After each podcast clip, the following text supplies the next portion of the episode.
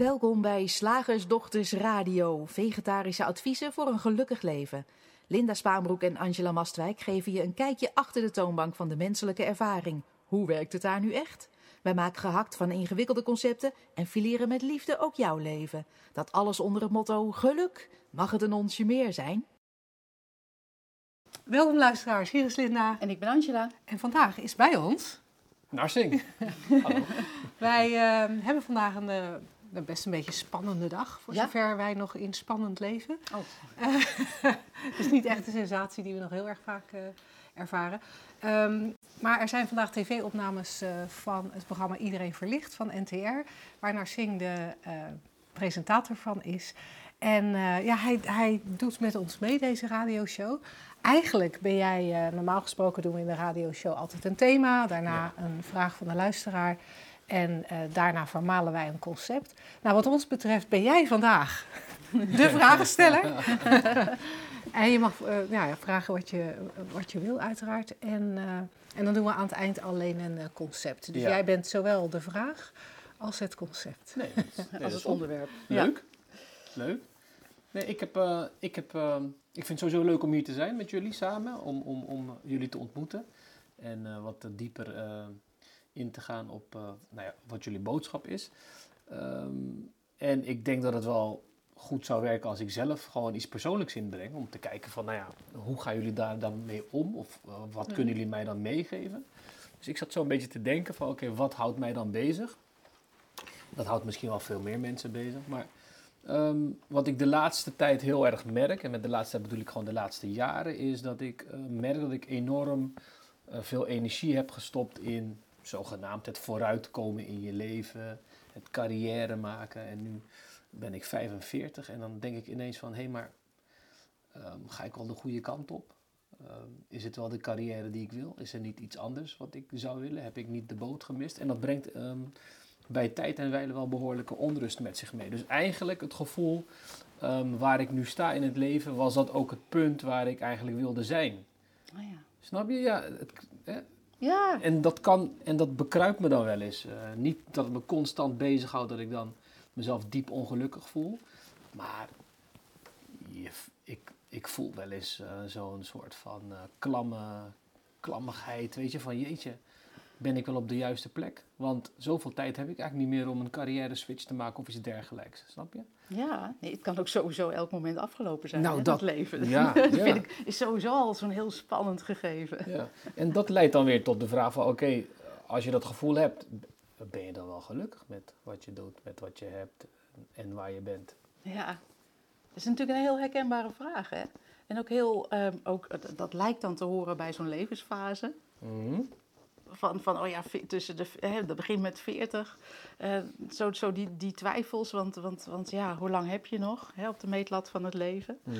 Ja, dus dat is, dat is heel herkenbaar. En ik denk ook al een vraag die wij eh, hier op kantoor ook vaak gesteld eh, hebben gekregen. Ja, en, ja. En, en eigenlijk niet eens alleen deze leeftijdsfase. Hè, want je ziet, het, het, je, je hoort het met net even andere woorden. Hoor je het eh, kinderen al zeggen over, ja, wat, moet- wat, wat moet ik nou voor studie kiezen? Oh ja. Vervolgens hoor je twintigers, ja, wat moet ik nou voor een baan?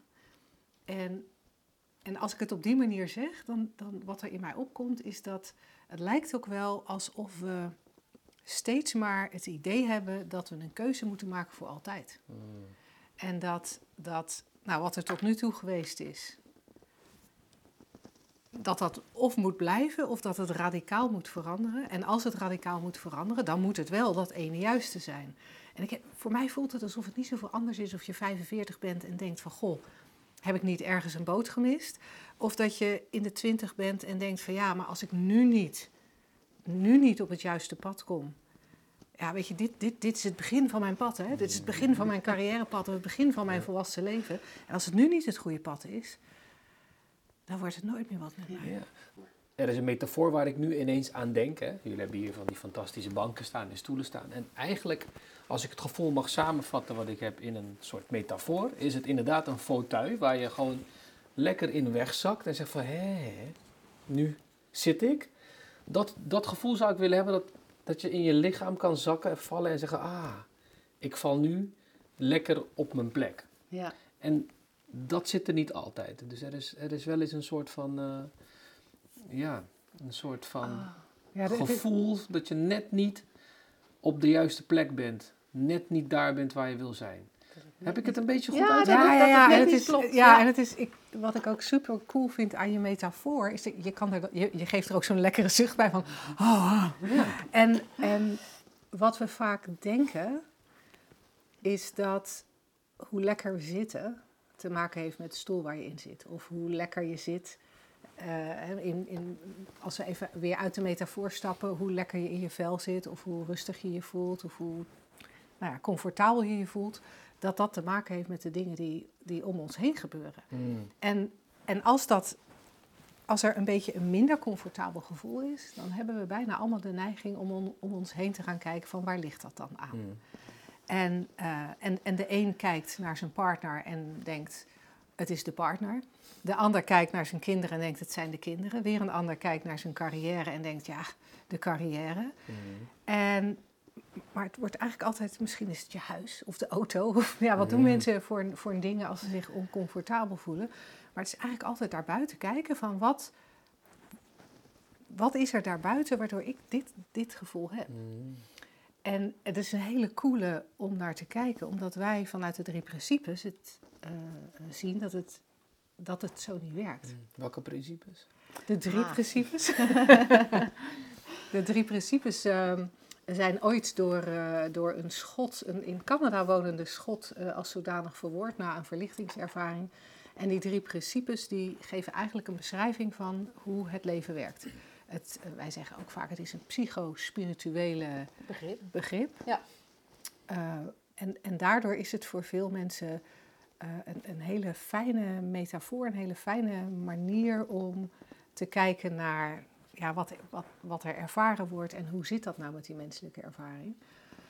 Ehm, en vanuit die drie principes gezien zou je, eh, eh, is, is, is, is dat, dat dingetje van, hé, hey, we denken dat het aan de buitenwereld ligt, het minder comfortabele gevoel. Mm. Die drie principes laten heel expliciet zien, ah, ah, dat is niet het geval. het, het, het is altijd hier. Mhm. Het is altijd, ja, van binnen zou je kunnen zeggen. En van binnen vatten we dan vaak op als in dit lijf. Mhm. Het is iets minder, nou, het is eigenlijk veel minder persoonlijk. En wat zou ik dan kunnen doen, concreet, hè? Eh, om wel comfortabel in mijn eigen lichaam te kunnen zakken? Nou, In die drie principes zit geen enkele opdracht of verbod. Dat vind ik heel mooi. Eh, ehm, het is simpelweg een beschrijving van die menselijke ervaring, zoals Linda al zei, en een verwijzing naar je ware natuur daarachter. En die zeggen niet, dus je moet dit of dat doen om comfortabel te worden. Mhm. Het nodigt je wel altijd uit, heel eenvoudig en heel eenduidig, om te kijken dat wat je in elk moment beleeft, dat hele comfortabele van, nou, ik heb het voor elkaar. Dat is misschien de gedachte die daarbij, eh, die daarbij komt.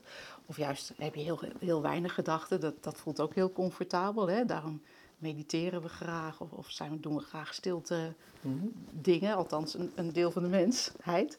Eh, eh, dat voelt heel comfortabel als er weinig denken is.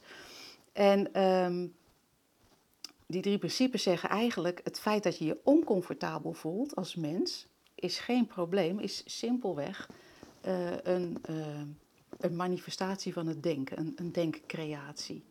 Want ik kan me zo voorstellen als jij in die stoel zit of in je bed ligt en er is even geen denken, dan is er ook niks aan de hand.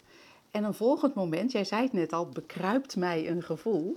Hè, komt de gedachte op, zeggen wij dan, want gedachten en gevoelens zien wij zo'n beetje als nou ja, twee kanten van dezelfde medaille. Die komt op van, doe ik iets wel goed? En nou ja, jij hebt het dan nu eventjes opgehangen aan carrière, technische dingen. Had ook net zo goed iets anders kunnen zijn, zoals Linda net al uit, eh, uitlegde. En het enige wat die drie principes doen, is beschrijven dat dat, dat zo werkt. Mhm. Je leeft, er is simpelweg hè, een oneindige intelligentie die zorgt dat, dat er adem gehaald wordt en dat je hart klopt en dat je bloed stroomt. Het gaat allemaal vanzelf, hoef jij je niet mee te bemoeien. En in, in elk moment is er een stroom aan ja, denken en voelen in de mens. In de mens. En eh, die komt in het bewustzijn.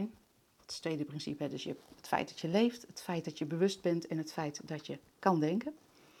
En de inhoud van dat denken, ja, dat is heel variabel. Hè? Dat gaat over carrière dan in jouw geval in dit voorbeeld. Maar dat kan net zo goed iets anders zijn. En, of dat, ehm, en hoe dat voelt is dus afhankelijk van, van wat je op dat moment denkt. Ja, ja. En de meeste stromingen zeggen dan, je moet iets anders denken, of je moet minder denken, of beter denken, of positiever denken. Die drie principes zeggen daar helemaal niets over. Die zeggen simpelweg, je denkt. En als je ziet dat dat het geval is, Mm. ben je voor mij, wat mij betreft, terug in dat comfortabele gevoel. Oh, dit denk ik. Mm. Maar ja, er kan net zo goed iets anders gedacht worden. Dan had je een hele andere ervaring. Je had net zo goed aan, je, Ja. aan, aan een, een prachtige herinnering eh, had erop kunnen komen. Mm. En wat ik, het, wat ik interessant vind, naarmate ik langer dit werk doe, wat ik interessant vind om te zien hoe, hoe slecht we als mensen eigenlijk, het, eh, hoe lage tolerantie we hebben voor oncomfortabele gevoelens. Zodra er een oncomfortabel gevoel is, dan willen we heel graag van af en dan, dan willen we klussen. Dan willen we klussen in de buitenwereld. En waarom zeg jij dan eigenlijk, althans dat impliceer je volgens mij, dat dat er mag zijn? Omdat het, ehm, het ik, ik, ik heb vaak het idee dat het een beetje Don Quixote tegen de windmolens is. Mm. We zijn aan het vechten tegen iets wat er niet werkelijk is. Ja, er is een tijdelijk, een tijdelijk eh, eh, oncomfortabel gevoel. Wat volledig bestaat uit denken in bewustzijn. Dus het is in feite een, en je zou het een fata morgana kunnen noemen. Er is een tijdelijke fata morgana, een tijdelijke luchtspiegeling.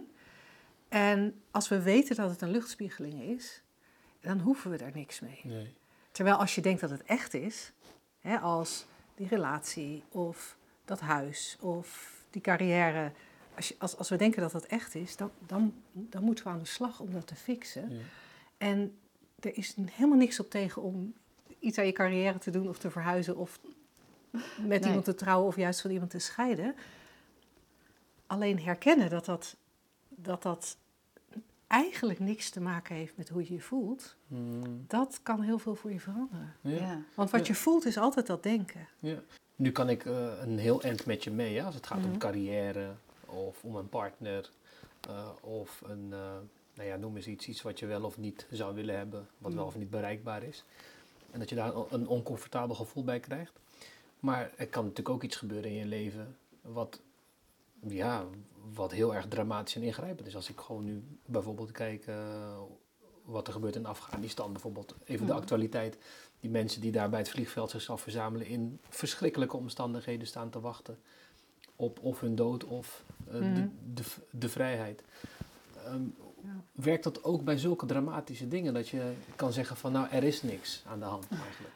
Nou, die, die, drie die drie principes zijn altijd aan het werk. Die creëren elke menselijke ervaring. Dus of je nu eh, euforisch bent omdat, nou, je hebt net een kind gekregen, ik zeg maar even wat het Mhm. eerste opkomt. Of dat je, dat je Een kind verliest. precies de andere kant op. Ja? Het, het blijft hetzelfde feit dat er een menselijke ervaring is die van moment tot moment vorm krijgt. Mhm. En dat, dat is simpelweg, eigenlijk is dat hetzelfde. Zou je, je zou het kunnen vergelijken met het feit dat er ehm, op aarde zwaartekracht is, het principe zwaartekracht, alles valt naar beneden. Mhm. En die drie principes heten niet voor niks principes. Dat zijn, die zeggen eigenlijk, elke ervaring wordt van binnenuit gecreëerd. Want ik denk dat we, natuurlijk gebeuren er dingen die jij en ik niet willen. En, en waarvan we denken, oh, wat erg. En ehm, eh, hoe zou jij je voelen als je daar bent? Maar dat kan je helemaal niet weten. Ik denk, ehm, ik vind altijd een heel mooi voorbeeld, een, eh, een boek, A Man's Search for Meaning. Ik weet niet of je daar ooit van gehoord hebt, van Viktor Frankl, geloof ik. Die eh, midden in een, in, in een setting van ehm, Auschwitz eigenlijk iets soortgelijks zag. Hij verwoordde het net iets anders, waardoor er de mogelijkheid ontstond voor hem, en dat beschrijft hij ook heel mooi, om in elk moment gewoon te kijken wat er gebeurde en, en ook, ook geluk te vinden midden in wat wij zouden zeggen verschrikkelijke omstandigheden. Mhm. En ehm, die optie is er dus, als je ziet dat alles vorm krijgt via het denken, die optie is er dus ook om je te realiseren, oh, er kan in elk moment een frisse gedachte opkomen, een frisse impuls, eh, ehm, een, een idee om ergens naartoe te bewegen of, of, of bij vandaan eh, te gaan. Maar als je dat baseert op wat je denkt dat het probleem is, wordt het vaak, nou ja, zoals Linda beschreef, een- een verkeerd uitgangspunt. Mm. En als je het uitgangspunt hebt dat je dat je, je realiseert van, oh, dit is gewoon een wereld van denken. En je valt daar even uit, dan heb je een, eigenlijk een, ehm, ja, eindeloze mogelijkheden om daar vandaan steeds weer opnieuw te bewegen. Ja, ik, ik heb heel erg de neiging om het te voelen wat jullie zeggen en ook te Mhm. begrijpen. Tegelijkertijd zeg ik ook tegen mezelf, ja, maar het gaat je, het, het gaat je wel heel goed. Ja. Dus daarom vraag ik ook aan jullie dan hierbij, hebben jullie in de praktijk dan zelf ook ehm, hele nare dingen meegemaakt, waardoor je dit ook voor jezelf in de praktijk hebt kunnen brengen van wacht even, die afstand kunnen wij creëren. We hebben ook gezien dat er een donkere kant is en we kunnen die afstand ook daarin creëren. Begrijp je wat ik wil zeggen? Ja, Ja. zeker. Nee, Ja, want en- het kan me, en ik, voor mij- ik kan me ja. voorstellen dat er mensen zijn die hier naar kijken en zeggen: Ja, Ja, godverdorie. makkelijk jullie kletsen. makkelijk kletsen, jullie weten echt niet wat ik heb meegemaakt. Precies. Hè, Ja. dus, dus ik vraag Nee. het aan jullie. Hebben jullie wel Ja. ook voor, voor situaties gestaan waarbij je ook die afstand moeilijk kon nemen, maar het, het hebt ingezien dat het kon?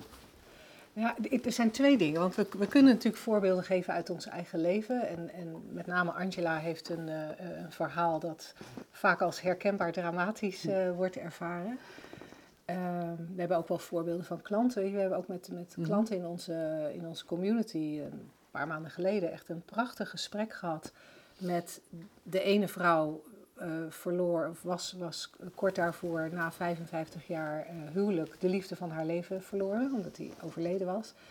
En een andere vrouw in de community eh, heeft een, een aantal jaar geleden een, een kindje op zesjarige leeftijd verloren aan, eh, aan ongeneeslijke Ja. ziekte.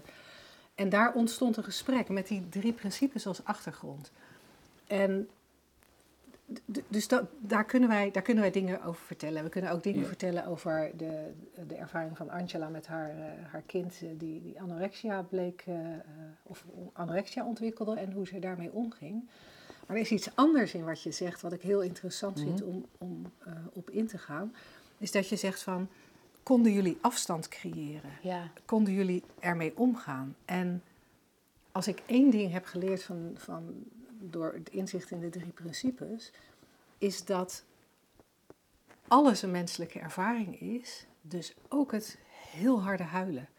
Ook het, het dat je hele lijf pijn doet van verdriet. Het, wat ik voor mezelf heel erg heb gezien, voor mezelf heb ik twee dingen heel helder gezien dat ik enorm eh, de neiging heb tot weerstand als dingen anders gaan dan ik had bedacht. En of dat gaat, nou gaat over fysieke pijn, of het gaat over mensen die mijn leven verlaten, of het gaat over een workshop die niet zo vol eh, was als, eh, als ik graag wilde. En dat die weerstand eigenlijk het denken heel erg ehm op, oprakelt. Hè, dus, waar, Aanjaagt. Aanjaagt, ja. Ja. ja. Eh, en het andere wat ik heb gezien is dat ik ehm, heel bang was. Ik was vooral bang. Eh, bang voor de toekomst. Bang voor dat, dat, dat, dat ik niet goed genoeg was. Bang, maar, maar met name bang voor dat het niet goed zou komen. Want kijk, dat, dat, er, dat ik nu heel veel pijn heb. Ik heb, veel, ik heb 25 jaar chronisch pijn gehad. Wat een aantal jaar geleden eh, verdwenen is, ook door dit inzicht. Maar in die tijd dat ik veel pijn had, ik was heel, de pijn in het moment ging altijd wel. Je kan super verdrietig zijn omdat je kind overleden is. Je kan, je kan super balen van het feit dat je, nou ja, in mijn geval, dat je de bank niet afkomt van de pijn. Of dat je niet kan lezen van, van de hoofdpijn. Dat is één ding. En dat is eigenlijk in elk moment te doen. Wat niet te doen is, is het idee dat deze pijn nooit meer weggaat. En met name de verhalen, eh, de verhalen die er achteraan komen. Wij praten vaak over gedachtentreinen. En dan zou je kunnen zeggen dat de locomotief zou kunnen zijn... "Oh, ik heb zo'n verschrikkelijke hoofdpijn. Dus dat kan je zeggen is een constatering. Ja. Zoals jij zou kunnen zeggen, het is een constatering dat ik eh, nou, nu presentator ben van dit programma. Dat is een constatering. En vervolgens koppelen we aan dat locomotiefje, eh, wordt een wagonnetje gekoppeld. Nou, laat ik het even bij mezelf houden, niet voor jou invullen. Ehm, Dus het locomotiefje was, ik heb ontzettende hoofdpijn. En het wagonnetje dat gekoppeld wordt is, ja, dat is dus al de derde keer deze week. Volgende wagonnetje. Op deze manier kan ik mijn werk niet doen. Volgende wagonnetje. Als ik nu, uh, ik ga nu even verzinnen, want uh, dit is nooit zo tussen ons voorgevallen. Maar als ik, uh, ja, dan moet ik dus weer afzeggen vanwege die hoofdpijn volgende wagonnetje. Als ik dat te vaak blijf doen, krijgt zij de balen ervan om met mij samen te werken. Volgende wagonnetje, ja shit, straks wordt, gaat, loopt het helemaal mis met Shift Academy en met de slagersdochters. Volgende wagonnetje, ja maar als die slagersdochters er ook niet meer zijn, hoe krijgen we dan die drie principes verspreid in Nederland? En hoe moet dat dan met mijn hypotheek?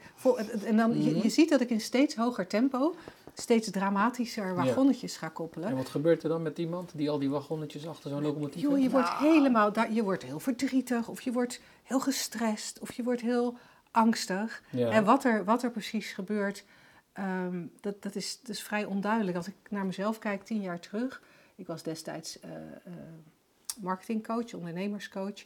En wat er bij mij gebeurde, is dat er zo'n zo'n onderspoortje was. Er liep, eigenlijk liep er altijd een treintje over Ehm, als ik mijn huis maar niet kwijtraak, als ik maar voor mijn kinderen kan blijven zorgen. Als, uh, want anders eindig ik onder een brug helemaal alleen. Dat was uiteindelijk ergens het eind van mijn gedachtentreintje. Maar ik zag alleen het begin van het gedachtentreintje. En het begin van het gedachtentreintje was een heel gestrest treintje over... ik moet genoeg promoties doen, ik moet genoeg klanten, ik moet genoeg geld. Mhm. Ik moet wel sparen. Wat ben je anders gaan doen?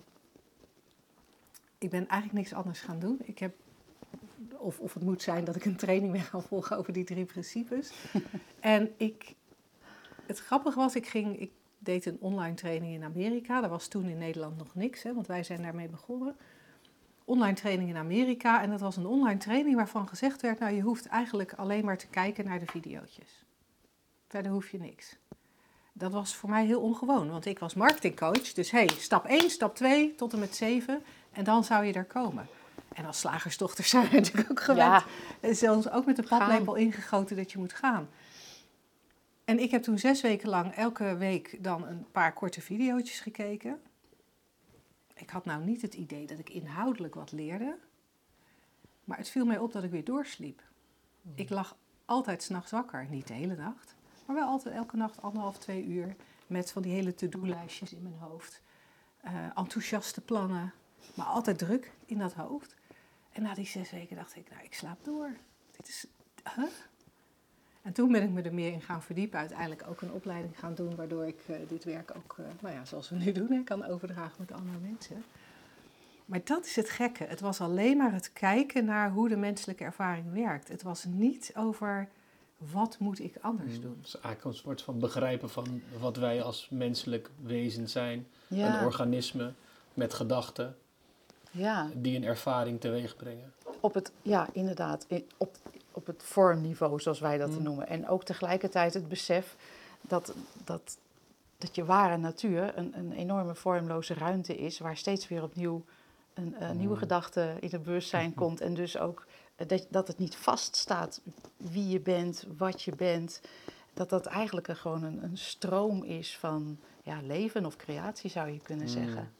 Ja, en dat, ja. en dat we eigenlijk ook zoveel zijn gaan geloven. Hè? Want we zijn die enorme ruimte. En als je, als je een... een uh, heb je kinderen? Ja. Nou, dat, dan kun je misschien het moment nog wel herinneren dat zo'n nieuw babytje dan net geboren is. Mm. En dat, dat kijk je dan aan. Ik was bij de eerste heel onzeker en angstig. En bij de, bij de laatste, bij de, bij de vierde, was het, was het compleet anders. Ja. Dus als ik dat dan afzet tegen de, mensen, tegen de ervaring die ik steeds heb gehad, dus eigenlijk dezelfde ontwikkeling of dezelfde gebeurtenis, een hele andere ervaring. Ja. mooi is dat om te zien. En, en, dus ook anders denken. Ja. En ik was ook heel benieuwd van als je dan zo'n nieuw babytje, welke van de vier dan ook, dat maakt niet uit. Als je dan zo'n nieuw babytje, als, dat, als je dat aankijkt, dat is, dat is helemaal compleet. Van, van net geboren babytjes, of er, er moet echt een, een, een, eh, een geboorte... Uh, afwijking of een geboorteprobleem zijn. Maar in de regel is er zo'n nieuw babytje en je kijkt het aan en het is perfect. Mhm. En dan groeit het, dan wordt het groter. En dan gaan we daar als mensen, als ouders vaak, als omgeving, dan, dan vinden we dat het een beetje anders moet. Maar in, aan, in aanleg is het helemaal perfect. Ja, ik zit maar naar mijn handen te staan alsof daar een babytje ligt.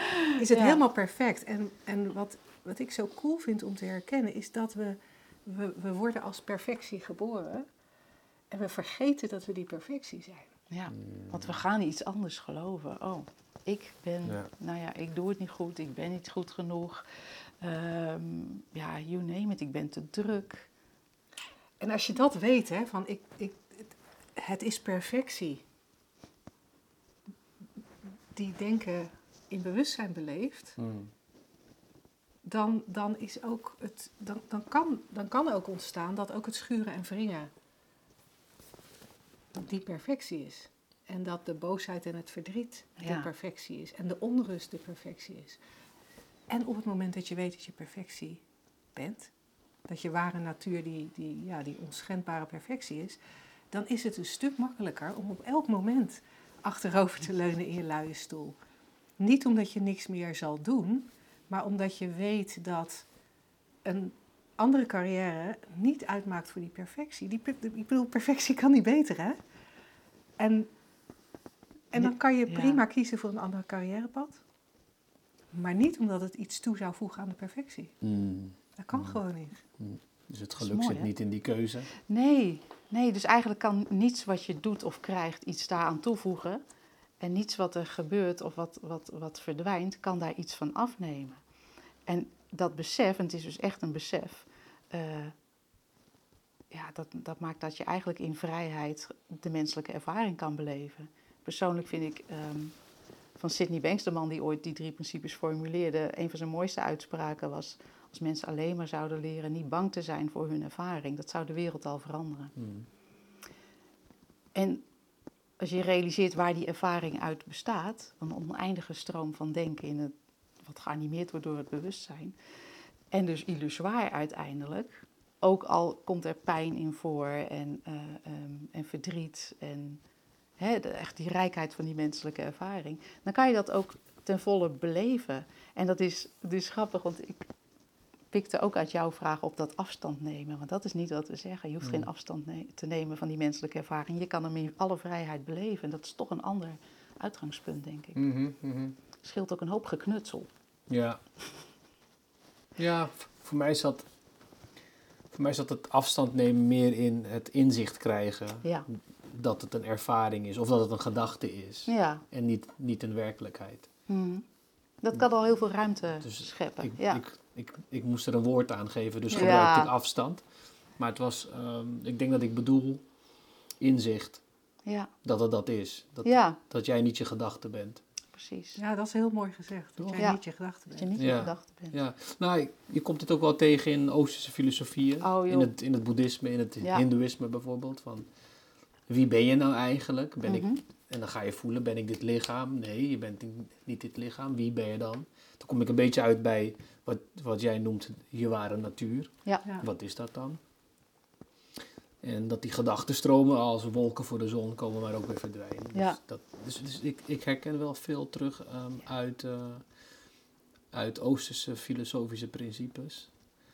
Wat het, wel, Ja, dat wat het voor mij wel herkenbaar maakt. ja. Ja. Dat klopt ook. Ja. Het, wij- het wijst eigenlijk heel veel stromingen, heel veel religies wijzen allemaal deze kant op. En Ja. die drie principes zijn simpelweg, tenminste zo zie ik ze, een westerse en herkenbaar psychologische beschrijving. Ja. Hè, wij zitten in de westerse wereld, als er zoals zoiets bestaat, veel. zijn we heel veel in het hoofd bezig. Mhm. En vandaar dat die omschrijving, ook van die gedachtentreinen die Linda dan eh, eh, ehm, benoemt, is gewoon heel herkenbaar. Mm. Dus wat dat betreft is het inderdaad, het verwijst naar hetzelfde. Het is alleen een net iets andere ingang. Ja. ja. Wat ik wel heb eh, bij het hindoeïstische principe van karma bijvoorbeeld. hè, Mhm. Dat je in een situatie zit en dan daar eigenlijk niet te veel over moet nadenken, maar meer moet kijken van oké, wat, wat kan ik hieruit leren en Mhm. vooruit gaan. Dus dat gaat ook over, die, over, de, over de ervaring. Laat de ervaring er zijn. Maar wat je wel terug hoort is dat dat ook wel mensen een soort van passief kan maken. Ja. Hè? En vooral in de Indiase samenleving, dat je zegt van ja, je leeft in armoede. Ja. Ja, dat is je karma geweest. Ja, jammer. Dus accepteer het voor nu en in het volgend leven zal het je beter gaan. Dat is dan wel de kritiek die ik heb op het hindoeïstische denken van oké, Ja. het is je ervaring en meer is het niet. Ja, en dat is ook vaak wat, wat mensen in eerste instantie hierin horen. Hè? Dus eh, eh, dan komt er zo'n angstig idee op van ja, maar als het allemaal oké is en elke ervaring welkom, ehm, ja, dan ga ik op de bank zitten en een beetje zo, nou, er komt niets meer uit mijn handen. Terwijl we eigenlijk het tegenovergestelde zien gebeuren als er echt het inzicht komt van, wow, je bent dus gewoon, er is in elk moment een, een oneindige potentie van nieuwe gedachten, nieuwe ideeën, nieuwe richtingen, nieuwe dingen eh, die op kunnen komen. En je bent sowieso al veilig, hè? want die leunstoel, dat is gewoon je ware natuur. Dus Mm. dat maakt niet uit wat er daarin eh, gedroomd Ja. wordt. Dus wat wij juist zien, is dat daar veel meer energie vrijkomt en veel meer mogelijkheden gezien Mm. worden. Want het opkomen van creativiteit en het opkomen van gedachtes. Wat is het Ja. verschil daartussen dan? Want, want, want, want van het een zeg je van ja, je moet uitkijken dat je niet identificeert met die gedachtes. Maar die creativiteit die opkomt in jouzelf, eh, hoe maak je het onderscheid nou? Gaat ook via het denken. Nou, ik Ja. denk dat je dat wel voelt hoor. Voor, voor, voor mij, als ik zo even bij mezelf denk, oh, hoe, hoe werkt dat bij mij? Want je, want je Dan- zou kunnen denken van ja, ik schakel gewoon alles wat uit mijn Ja, imagination komt, schakel ik gewoon uit. Ja, Ja. maar dat kan helemaal niet. Hè? Want je kan dat denken helemaal niet stopzetten. Er zijn natuurlijk wel mensen die dat proberen. en Die gaan tien dagen op een matje zitten, zoals Angela heeft gedaan. En, dan, en dan, dan stopt het denken tijdelijk. Maar Mm. zodra er weer gewoon geleefd wordt... Dat, je kan alleen maar via het denken eh, leven, eigenlijk. Ja. Dat, dat kan gewoon niet zonder. Dus het is ook een beetje een heilloos streven. Maar als ik naar mezelf kijk, eh, het, het verschil tussen creativiteit en, en, eh, en dat andere denken. Tuurlijk, het is allemaal hetzelfde. Het is allemaal die flow die, zou je kunnen zeggen, door ons heen komt. Die, die, die, die voortdurende stroom van ervaren die door ons heen komt. Ik voel het verschil omdat het ene is geladen met, in mijn geval, angst, onzekerheid Mhm. het willen hebben van houvast. Ik geef er maar een woord aan. En dat andere, dat komt vanuit, dat, daar zit dat niet bij. En zoals wij eh eergisteren op het, theater, op, op, op het podium stonden, de allereerste keer dat we bedachten om een theatershow te doen, dat, dat was niet omdat er een idee bij zat van dat geeft ons houvast. Ja. Of dat, dat, dat moeten we doen, want dan kunnen we... Er zat geen agenda achter. We dachten Ja. gewoon, oh, dat is wel geinig. En we zijn er gaan staan, hè, terwijl, ik er, terwijl ik een paar jaar daarvoor, toen haar partner ooit eens zei: Oh, jullie moeten het toneel op. Toen dacht ik: Nou, echt never, nooit niet. Ehm, maar, toen, maar, maar, toen, maar toen al dat angstige denken over wat zullen ze. Weet je, dingen als wat zullen ze wel van denken? En doet het, schaadt het onze naam niet? Levert het wel inkomen op? Al, al dat denken, wat, wat mij betreft hoort bij onzeker, angstig, houvast zoeken. Als dat er niet is en, dan, en die natuurlijke stroom blijft over, gezond verstand noem jij het ook wel eens, Ja, dat gezonde verstand blijft over, ja, weet je, dan kan je van alles doen. Dan kan je van alles doen. En als En het je niet ja. uitmaakt wat er. dan lukt het of het mislukt. Hè. Dat is natuurlijk ook maar weer een mening. Maar, maar het, het, het maakt niks uit, want het kan je... Niets kan hier iets aan bijdragen aan die ware natuur. Er kan ook niets van afgenomen worden. Dus de rest is allemaal ervaring. Ja, en dan doe je... Je volgt je impuls of, of je hebt ergens een respons op. Hè, een ja of een nee. En dan, ja... Ja, nou ja, En toen wij de Slagersdochters radioshow show deden bijvoorbeeld, daar zijn wij mee begonnen in 2015. Wij, wij hadden elkaar net, eh, net ontmoet en, eh, en Angela zei, geheel tegen haar gewoonte in, wij moeten iets samen doen. Ik hou helemaal niet van samenwerken, dacht ik. Echt, laat En- mij maar alleen. En ik zei geheel tegen mijn gewoonte in, ja, dat moeten we doen. Ik wilde altijd de baas zijn. Dat vond ik handiger, als iedereen doet wat ik wil. Dus wij zeiden ja tegen elkaar, toen zijn we gaan zitten van ja, wat zullen we dan? En eigenlijk hadden we op dat moment maar één, zeg maar, creatief idee. En dat was dat we heel graag wilden dat er meer mensen in Nederland kennis konden maken met die drie principes. Want er was in het Nederlands gewoon niks. Eh, dus als je er tegenaan wilde lopen, dan, dan kon dat alleen maar eh, als je goed Engels sprak en toevallig dan eh, op, op een website landen waar dat was. En toen zeiden we tegen elkaar, maar ja, wat dan? Want een, een, bedrijf starten, dat was helemaal niet op dat moment... eh, nou, dat, dat was niet echt een mogelijkheid. Dat Nee. zagen we ook helemaal niet zitten. Dus het was alleen maar dat, hé, hey, we willen daarover praten. Mm. En toen leek het heel logisch om een internetradioshow te doen. dus wij gingen elke woensdagavond om half acht... zette ik een teleconferentiesysteem aan... waarmee mensen, als ze op een knop op de website klikten... konden ze live met ons meeluisteren... en dan konden ze ons met de telefoon bellen als ze een vraag hadden. en daar zijn we mee begonnen. Nou, we hebben maanden... Ja, hadden wij drie, vier luisteraars, waarvan de, waarvan de meeste bij ons in huis woonden. of door ons gebaard waren. Dus, dus dat, dat was eigenlijk, nou ja, je zou kunnen zeggen niks. Dat is helemaal niks. Maar wij Maar- vonden het wel leuk. Maar wij vonden het heel leuk om te doen. En we, ik, ik, ik had wel een website gemaakt en wij merkten wel dat... eh, en daar zetten we dan ook af en toe een blogartikel op. En ik had nog een mailinglijst vanuit mijn oude bedrijf. Jij had vanuit eh, jouw eh, website had je ook mensen die jou volgden. Daar lieten we dan wel weten dat we dit deden. En we merkten dat mensen het wel gingen downloaden. En op enig moment kregen we het advies om er een podcast van te maken. En is het de podcast geworden. En eh, ja, we, zitten, we gaan nu richting de anderhalf miljoen downloads. Maar daar is het nooit mee begonnen. Het is nooit begonnen met, oh, hoe Oh, kunnen wij... dan- ja, En het is wel grappig, want op het moment dat we het tegen mensen zeggen, zeggen ze, oh, oh nou, geweldig. het is gewoon ontstaan eigenlijk. Maar het is gewoon ontstaan. Ja. Door, door niet, niet Lekker te schrikken van dat het er maar vier waren. En door niet bang te zijn voor Nee.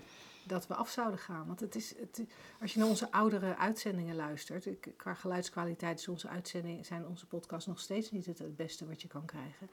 Eh, maar als je zeker naar die oude uitzendingen luistert, de kwaliteit is dramatisch. dramatisch slecht. Maar de boodschap was blijkbaar wel zo dat mensen het leuk vonden en er wat aan hadden. En, eh, dus ja, dat even een uitgebreid Ja. antwoord op jou. Ja. Nou ja, leuk. Waar we zijn terechtgekomen vanuit eh, die, eh, die hele persoonlijke, nou ja, wat zou ik zeggen, angst, onzekerheid van mij. Ehm, kan je even, e- even kort gewoon even benoemen wat die drie principes zijn? Even, even heel kort zo. Ja. Ja, Dat, ja, dat kunnen jullie we. hebben het dat steeds over, dus... ja, Ja. ja. dat kunnen we. En, en het zegt eigenlijk niks. nee. Nee. maar... Maar Het is eigenlijk Omdat alsof, ja, alsof ik je de formule voor zwaartekracht Ja, geef. jullie, jullie Ja. zeggen heel vaak in dit Ja. gesprek tussen ons de drie principes. Is wel het is wel goed om even op Ja, een rij te hebben van dit, dit, dit. Zeker. Zoals ze geformuleerd zijn, zijn die drie principes mind, consciousness en thought. En dus drie componenten, drie principes die samen maken dat je een menselijke ervaring hebt in plaats van dat er niets is. Ja. En, en, vrij, mind is dan- vertaald, ja? Ja, mind is het feit dat, eh, dat er een oneindige intelligentie eh, is die, die zich blijkbaar uitdrukt in, eh, in wat wij leven noemen. Mind is dus eigenlijk die enorme ruimte, je ware natuur. of levensenergie. Of levensenergie vinden wij ook handig om te zeggen. Dus dat is één. Dan consciousness, bewustzijn. Hè, in, de, in de menselijke vorm moet je wel bewust zijn, wil, anders heb je geen Mm. ervaring. En thought is het principe denken. Dat zijn dus niet, mensen horen vaak mijn gedachten, maar het, het feit dat er gedacht kan worden. Dat er onderscheid gemaakt kan worden tussen hoog, laag, zwart, wit, licht, donker. Daar heb je denken voor nodig. Dus die, dat zijn de drie componenten waar de menselijke ervaring uit bestaat. Heel simpel. Ja, en voor onze podcastluisteraars, eh, als je daar iets meer over wil weten, op onze website slagersdochters.nl vind je een. eh, eh, Een e-book wat Een je kunt ja. downloaden. ik was even ineens afgeleid, want ik denk er zit iets voor het beeld. ja, op onze website slagersdochters.nl kun je een e-book downloaden, drie principes voor geluk, waar we ze uitgebreider in beschrijven. Wauw. Woensdag, gehaktdag. Zeg slagersdochters, welk concept gaat er vandaag door de molen? Goed, voor het concept gaan wij eh, verder eh, zonder Narsing. We slaan de vraag vandaag even over, want het gesprek met Narsing was natuurlijk eigenlijk al, eh, ja, dat was één grote vraag, zeg maar. Ehm, en eh, de veelploeg is weer vertrokken, dus Angela en ik gaan eh, verder met het concept. En het concept vandaag is, Even voor mijn beeldvorming, hè? even voor jouw beeldvorming, dat hoor je best wel vaak, hè? Ja, ik, ik herinner me, een, eh, echt dat beeld komt zo naar boven, een, een, een setting was een, een vergadertafel buiten, ergens in Friesland, waar eh, tien mensen rond de tafel zaten en er een gesprek ontstond over plannen die er waren met een, met een grote leegstaande fa- fabrieksruimte. En daar trof deze uitspraak mij voor het eerst, omdat iemand dat dus zei aan die tafel, even voor mijn beeldvorming. En ik luisterde en ik dacht, oh wat een bullshit. Want we moeten nu gaan fantaseren over de toekomst. Dat was het sowieso al. Hè? Dat is natuurlijk helemaal niet erg, want dat is wat we als mens wel doen. Maar waarnaar gevraagd was van, van plant even in mijn hoofd een idee waar ik dan een idee over kan hebben, zodat ik weet waar het naartoe moet. En ik dacht, oh, oh, wat, wat ik dan zie gebeuren is dat je dus zo'n zo'n zo'n eindbeeld hebt. Van, oh ja, dat gaan we, dat, dat wordt het. En dat je dan die ruimte en die tijd, of wat er dan ook tussen zit, van hier tot daar, moet, moet opvullen met de juiste route, met de juiste dingen, met de juiste, of je beeldvorming bijstellen natuurlijk. Uh, en ik, ik, ik vond het heel, heel interessant dat ik dacht, ah, maar zo werkt leven helemaal niet. Dacht ik op dat moment, zo werkt leven helemaal niet. Je hebt helemaal geen beeldvorming nodig. Het is van, wat is er hier en wat zou cool zijn? En dan, nou ja, dan zou je ook zeggen dat je dan aan beeldvorming doet. Alleen, je vraagt dat dan niet van een ander, maar je, ja, je, je, je gaat dan ideeën uitwisselen en kijken oh ja, oh dat zou leuk zijn, dat zou leuk zijn. En wat, welke stappen zouden we kunnen doen? voor, voor mij voelde het destijds zo eh, als een volkomen overbodige stap in het proces. Ja, en het is grappig dat jij beeldvorming dan, uh, of in dit gesprek althans, dat, dat beeldvorming voor jou iets naar de toekomst uh, toe was. Ik ken het vooral als, voor mijn beeldvorming, vertel even hoe de situatie in, in het bedrijf nu is. Oh ja. En en dan vraag ik naar, en daar zit denk ik een beetje dezelfde, uh, hetzelfde bezwaar um, tegen beeldvorming of tegen dat woord als, als wat jij net had. Dan vraag ik dus, eigenlijk vraag ik naar feitelijkheden. Maar feitelijkheden, zeker als je naar een bedrijf kijkt, zijn er helemaal geen feitelijkheden. We kunnen hooguit constateren, oh, uh, we, hebben, we hebben 85 auto's geleverd deze maand. Maar al het andere, hoe het komt dat er 85 verkocht zijn, wat er misgaat in het bedrijf. Hè? Want de beeldvorming is natuurlijk vaak belangrijk uh, als we iets willen verbeteren. Althans, zo ziet het er voor mij uit. En dat er een consultant bij komt van voor mijn beeldvorming, hoe staat het er nu voor met het bedrijf? En dan vraag ik eigenlijk vooral naar hele subjectieve meningen van andere mensen, zodat ik daar een beeld bij heb, maar dat beeld is natuurlijk ook volledig aan mijn kant gecreëerd, is ook ingekleurd met van alles wat er niet gezegd is. Dat kan bijna niet anders, met mijn eigen ervaringen. Zeker. En vervolgens ga ik dat dan, als, consult, als ik dan consultant zou zijn, ga ik dat dan gebruiken. Ja, dan heb je misschien wel gelijk om een plan naar de toekomst toe te maken. Ja. Maar eigenlijk, eh, wat, er, wat ik merk, wat overeenkomt, is, is dat dat, het, dat we allebei het idee hebben, het is een, het, het planten van een nou ja, verhaal waar een beeld bij hoort in andermans hoofd. En, en, en daarin dan geloven samen. Ja. En, oh ja, nee, maar zo ziet het eruit. Het is zo conceptueel. Ja. En ik begrijp dat we als, als mensen in communicatie soms het over iets moeten hebben wat er niet is of wat er nog niet is. Of wat, wat, wat geweest is. Alleen het feit dat wij daar uh, conclusies uittrekken en acties op baseren, denk ik, dat doen we dus op een illusie. Op een, een, een, een beeld wat, wat verzonnen is. En ook al heb jij het verzonnen en je geeft het aan mij of andersom, of we hebben het zelf verzonnen. Want het is niet, het is niet hier, het is echt ongelooflijk conceptueel. En ik vraag me dan ook af, waarom hebben we het nodig? Waarom hebben we eerst een beeld nodig en vertrouwen wij er niet op? En dat is gewoon maar een mijmering hoor. Waarom vertrouwen wij er als mensen niet op? Dat, dat wat er zich aandient en wat er, wat er gedaan moet worden, dat dat een, eigenlijk een heel natuurlijk uh, proces is of zo. Dat we dat helemaal niet vast hoeven te leggen, nergens op hoeven te, te baseren. Ja, hooguit de skills die we dan hebben.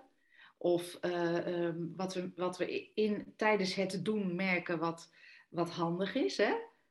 Um, ik, ik, vind dat, ik vind dat gewoon een geinige vraag. Van waarom hebben we het nodig en vertrouwen we niet op wat, wat er zich aandient? En daar de respons op of of gewoon wat, er, wat de impuls is. Ja. ja wat, wat er in mij opkomt als antwoord op die vraag waarom hebben we het nodig, wat er in mij opkomt is, ik, ik vermoed dat, dat er het idee is dat het samenwerker maakt. Oh ja. Dat we wel met elkaar een soort gezamenlijk doel moeten hebben. Hmm. En, en daar zit voor mij ook iets interessants in. Want van, vanuit mijn werkverleden en kan ik daar op een bepaalde manier nog wel nut bij verzinnen dat het in een groter bedrijf waar je met veel mensen samenwerkt, dan lijkt het best wel nuttig dat je allemaal hetzelfde idee hebt van waar je heen gaat. Mhm. Terwijl ik me ook afvraag of dat wel echt waar is. Ja. Als, je allemaal, als je allemaal gewoon lekker je werk doet. ja, precies dat. En als je allemaal lekker doet wat er in je opkomt. Ja. En ik, ik hoor al een storm van bezwaren opsteken. Ja, nee, maar dat kan niet. Zo makkelijk is het niet. En dat gaat, dat kan, dat gaat niet goed met mijn bedrijf als iedereen maar een beetje doet wat hij leuk vindt. Ik, dat, ik kan gewoon een soort dat, dat invullen vanuit oude, oude eh, Ja, eh, gedachtepaden van, van wat daar het bezwaar tegen is. En wij zeggen natuurlijk ook niet dat het niet mag, hè? Hè, Linda, je zei ook al van, ik kan me voorstellen dat het handig is. We zeggen bij dit soort concepten vermalen nooit dat je het niet mag doen. We willen alleen zo graag de, wat, wat, ja, wat lossigheid, wat eh, me- meer ja, de, de flow van het leven zelf gewoon Ja, blootleggen. en, en, denk ik, en denk ik interessant om, te, om voor jezelf te bekijken of je, of je net als wij meent te zien dat als we een beeld vormen, Ja. dat we met z'n allen een Fata Morgana in elkaar zitten te knutselen. Ja, wat er ook ineens in me opkomt, is, was, dat was eh, in de afgelopen weken op social media even een dingetje. Hè? Ik, ik doe dan die Twitter-dingen voor Shift Academy. En ehm, volg ons lindaspaanbroek.nl. maar eh, ehm, daar, daar stak een soort storm van verontwaardiging op, of, of belachelijk maken van verschillende banken die ineens eh, ehm, iets presenteerden. Dus een beeldvorming wilde bereiken, kan ik me zo voorstellen. En dat, dat was dan ineens dat ze, ja, dat, dat ze mensen in dienst hadden met, met eh, eh, ehm, ehm, seksuele voorkeuren die voorbij het heteroseksuele gingen. Dus wat wij dan zeggen van, oh, dat is over het algemeen genomen de standaard of zo. En dan eh, ehm, was er, ik geloof ABN AMRO en ook Rabobank, eh, eh, brachten dan het beeld naar buiten, gewoon puur reclame natuurlijk, van, oh kijk eens, Kees werkt bij ons en Kees heeft een vriend, alsof dat iets, als, als, ja, als- alsof je denkt, ja, en? Wat wou je vertellen? Ga je de rente omhoog doen? Of eh, ga je je zaakjes beter regelen? Hè, weet je, ga je, ga je, ga je witwassers eh, een beetje uit je zaak gooien? Of eh, wat, wat, wat ga je doen? Nee, maar dan, Henk, Henk werkt bij ons en, en Henk heeft een vriend. Ja, ik, ik denk echt van, nou en? Maar blijkbaar is dat een soort, ja, het idee daarachter van, nou nee, maar dan creëren wij een beeld voor de buitenwereld dat we als bank vooruitstrevend zijn. Nee, ik, ik denk, het feit dat je het wil melden, vind ik al zo achterlijk. Maar goed, dat ben ik dan. ik denk dat, ja, ja, en? ik heb een gevlekte koe in de wei. Ja, dat is Ja, grappig. En op die, op- als, je, als je die vorm van beeldvorming, want dat is voor mij weer een anders, hè? Dat Ja. voor mij voelt hij weer anders, want dat is dan ja, bijna, wat mij betreft, meer marketing, PR. Van Ja. hoe laat ik, nou ja, hoe toon ik mijzelf aan de buitenwereld? Hoe, hoe weet ik een Ja. plaatje te creëren, een fantasie te creëren? Is bij zo'n bank natuurlijk helemaal interessant, want wat is nou een bank? Dus uiteindelijk zijn het een paar gebouwen en een verzameling mensen. Ja. Eh, dus, dus, maar goed, dat, die beeldvorming heb je natuurlijk ook nog, maar dan gaat het echt om jezelf presenteren naar de buitenwereld. Waar dan blijkbaar ook een hoop fantasie aan te pas moet komen. Ja, en dat het past inderdaad niet echt binnen het concept dat we nu vermalen, want dat is even voor mijn beeldvorming. En dat is, dan is het een soort twee-weg conversatie waarin we eh, eh, elkaar bevragen om een idee te krijgen. ja, om ja. een idee te krijgen of wij, of wij dat wat de ander ziet, of wij dat op dezelfde manier kunnen gaan zien. Ja, Daar zit het interessants in, dat dat natuurlijk, dat je dat, dat dat eigenlijk nooit kan. Nee. Ik vind het wel leuk om nog heel even terug te komen. Sorry dat ik een beetje van de hak op de tak spring, maar om nog even terug te komen op dat, dat spoortje wat we net hadden.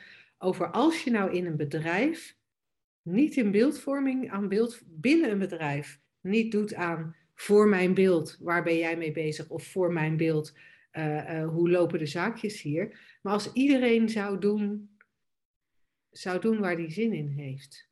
Wat, wat hem of haar goed lijkt in elk moment ik vind de, ik vind de angst die, of de bezwaren die wij al eh, kunnen bedenken dat andere mensen zullen hebben, da- daar vind ik ook iets, wat ik daar interessant aan vind, is dat het allemaal zo zoeken naar houvast is. Ja, En dat is misschien met het hele ding van voor mijn beeldvorming, dat we houvast zoeken. Ja, want je ziet natuurlijk nooit zo'n school vissen of zo'n zo'n zwerm eh, spreeuwen, weet je wel? Ken je dat? Die Mhm. zo door de lucht of door, door het water gaan, zo als één organisme. En die lijken dan ook allemaal tegelijk te landen in een boom. Ja, ja en allemaal gelijk te wenden en, en, en, en prachtige vormen samen eh, te creëren. Dat, je zou dat kunnen vergelijken met een, eh, een hè, op menselijk niveau een, een bedrijf waar mensen Mhm. in samenwerken. En dan denk ik, ja, er is er nooit één zo'n spreeuw die zegt eh, tegen de ander, zeg even voor mijn beeldvorming, hè. Eh, gaan wij nou straks zo'n soort, soort paddenstoelachtige eh, ehm, vorm in de lucht maken? Of wordt het meer een, een golvende zee? Want, want ja, anders heb ik straks geen idee waar ik heen moet. Nee, dat, dat beweegt gewoon. En dat is met de school vissen ook zo. Wij hebben daar in een van onze eerste theatershows ook wel zo'n heel grappig, zo'n heel sketch van gemaakt. Hè, van, van de spreeuw Henk, die dan een leiderschapscursus had gedaan en dan ineens eh, de toon moest geven. Dat gaat natuurlijk nooit goed. Maar dan denk ik eigenlijk wat natuurlijk is, en als je je verdiept in die drie principes, nou, dan, dan verwijzen die eigenlijk ook naar, een, naar, naar wat heel natuurlijk is in de vorm. Het, het, ehm, eh, de natuurlijke wijsheid die in ieder moment zit, en die in ieder mens zit en in ieder moment zit. Oh, ik versprak mijzelf, maar het was, het was leuker dan ik dacht. En, ehm, en dat heeft helemaal geen beeldvorming eh, eh, nodig, het menselijke leven. Dus als jij dat jezelf afvraagt zo, dan denk ik, dan zie ik dat, heb ik een beeld, dan zie ik dat voor me zo van, volgens mij kan dat, is dat heel natuurlijk. En de mens is natuurlijk is ook een stukje natuur, biologisch iets. En volgens mij de enige reden waarom de mens niet als, als een, een zwerm spreeuwen beweegt, of als een school vissen, of als een volkomen organisch lopend bedrijf, hè, wat jij eigenlijk zo aangeeft, dat vind ik vind het een heel mooi idee de enige reden waarom dat niet zo is, om- is omdat de mens een zelfbewustzijn heeft en kan denken, ja nee, maar ik, ik, ik moet hier de leiding geven of ik wil hier vooruitkomen of ik moet hier uitblinken of ik zal nooit uitblinken. Het kan natuurlijk alle kanten op, dat, eh, met, met dat zelfbewustzijn en, en die gedachten over, ja, die je ego-gedachten zou kunnen noemen, maar dat heeft een beetje een bad rap en dat... Eh, dus dat, dat, dat is grappig. En als ik denk wat jij, eh, de, de richting die jij aangeeft, dat volgens mij kan het als we, als we ons realiseren dat het allemaal één is. Ja, hè? Ja. Als we ons realiseren dat het allemaal één is en, en dat er. En dat is voor sommige mensen best wel lastig om te horen. Ik zou dat in ieder geval tien jaar geleden heel lastig hebben gevonden om te horen. Ja. Dat er ook eigenlijk niks mis kan gaan. Nee, hè? Inderdaad. Want ja, er kan natuurlijk wel eens een, een, een bedrijf failliet gaan. Maar ik vraag me af hè, of een. Want we zijn natuurlijk. Nou, ik zeg natuurlijk, maar ik kan me zo voorstellen dat, dat, dat er bij veel mensen een angst heeft, le- leeft dat eh, als, als niet alles goed gecontroleerd is binnen een bedrijf, dat dat met zo'n bedrijf niet goed gaat. Ja. En ik begin toch meer en meer het idee te krijgen dat, dat veel van die structuren eigenlijk heel demotiverend zijn en er daardoor eerder voor zorgen Ja. dat je ook als personeelslid gewoon minder, minder doet wat goed voor het bedrijf is en min, meer doet van ja, als ik daar nou maar mee weg kan komen. ja. Het is zo geforceerd, inderdaad. met al die systemen en al die mensen die op elkaar moeten letten. Hè? Uh, zetten we er een supervisor tussen of nog een managementlaag of wat dan ook. Uh, dat het totaal niet meer organisch is. Zoals nee, je... en, dat je, en, en, en, en wat ik dan ook weer cool vind als het gaat over beeldvorming. Ik heb vaak het idee dat, dat wat je kan, uh, de beelden die je kunt vormen, dat, dat de werkelijkheid veel, veel meer variatie kent dan wat onze hersenen kunnen bedenken. Ja. Want wij hebben, als je nou kijkt, hè, deze uitzending stond natuurlijk voor een deel in het teken van de tv-opnames eh, voor, voor de NTR en het programma Iedereen Verlicht. Nou, wij hebben daar in het verleden best wel eens over gemijmerd om op tv te komen. Omdat we zoiets in het verleden wel eens gedacht hebben. Het is wel handig als ook dat drie principles als meer mensen weten dat die drie principes bestaan en als meer mensen weten dat er ook bijvoorbeeld voor uh, psychiatrische aandoeningen echt ook een heel andere oplossing is dan die wij op dit moment herkennen.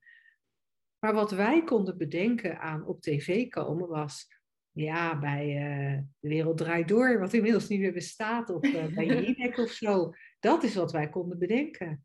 En, en wat wij konden bedenken hoe we daar zouden komen, was door dan een mailtje te sturen naar de redactie. Ja, en we hebben echt nooit bedacht dat er ook een ander type programma was. We hebben ook nooit bedacht dat een van onze podcastluisteraars um, zou gaan bellen naar die redactie om te vragen waarom zitten die slagersdochters niet in jullie programma. dus dat wat je aan beelden kunt vormen is volgens mij altijd beperkter dan, dan wat er in werkelijkheid mogelijk is. Ja, mooi. Het is veel organischer, veel vloeibaarder, veel, veel meer uit het niets en spontaan en, en fris. En nou ja, dat is fijn. Het scheelt weer een hoop beelden in je hoofd uh, ja. onthouden. Ja. Ja. Zouden we hem daarmee vermaald hebben? Ik denk het. Ja, dan houden we het hierbij. hey, dit was onze, nou ja, toch wel wat bijzondere uh, uitzending. um, en uh, volgende week zien of horen we je heel graag weer bij een, uh, een meer gewone podcast. Ja. Voor de beeldvorming. Voor de beeldvorming. Dan zitten wij gewoon weer op kantoor met z'n tweeën. hey, tot dan. Tot dan.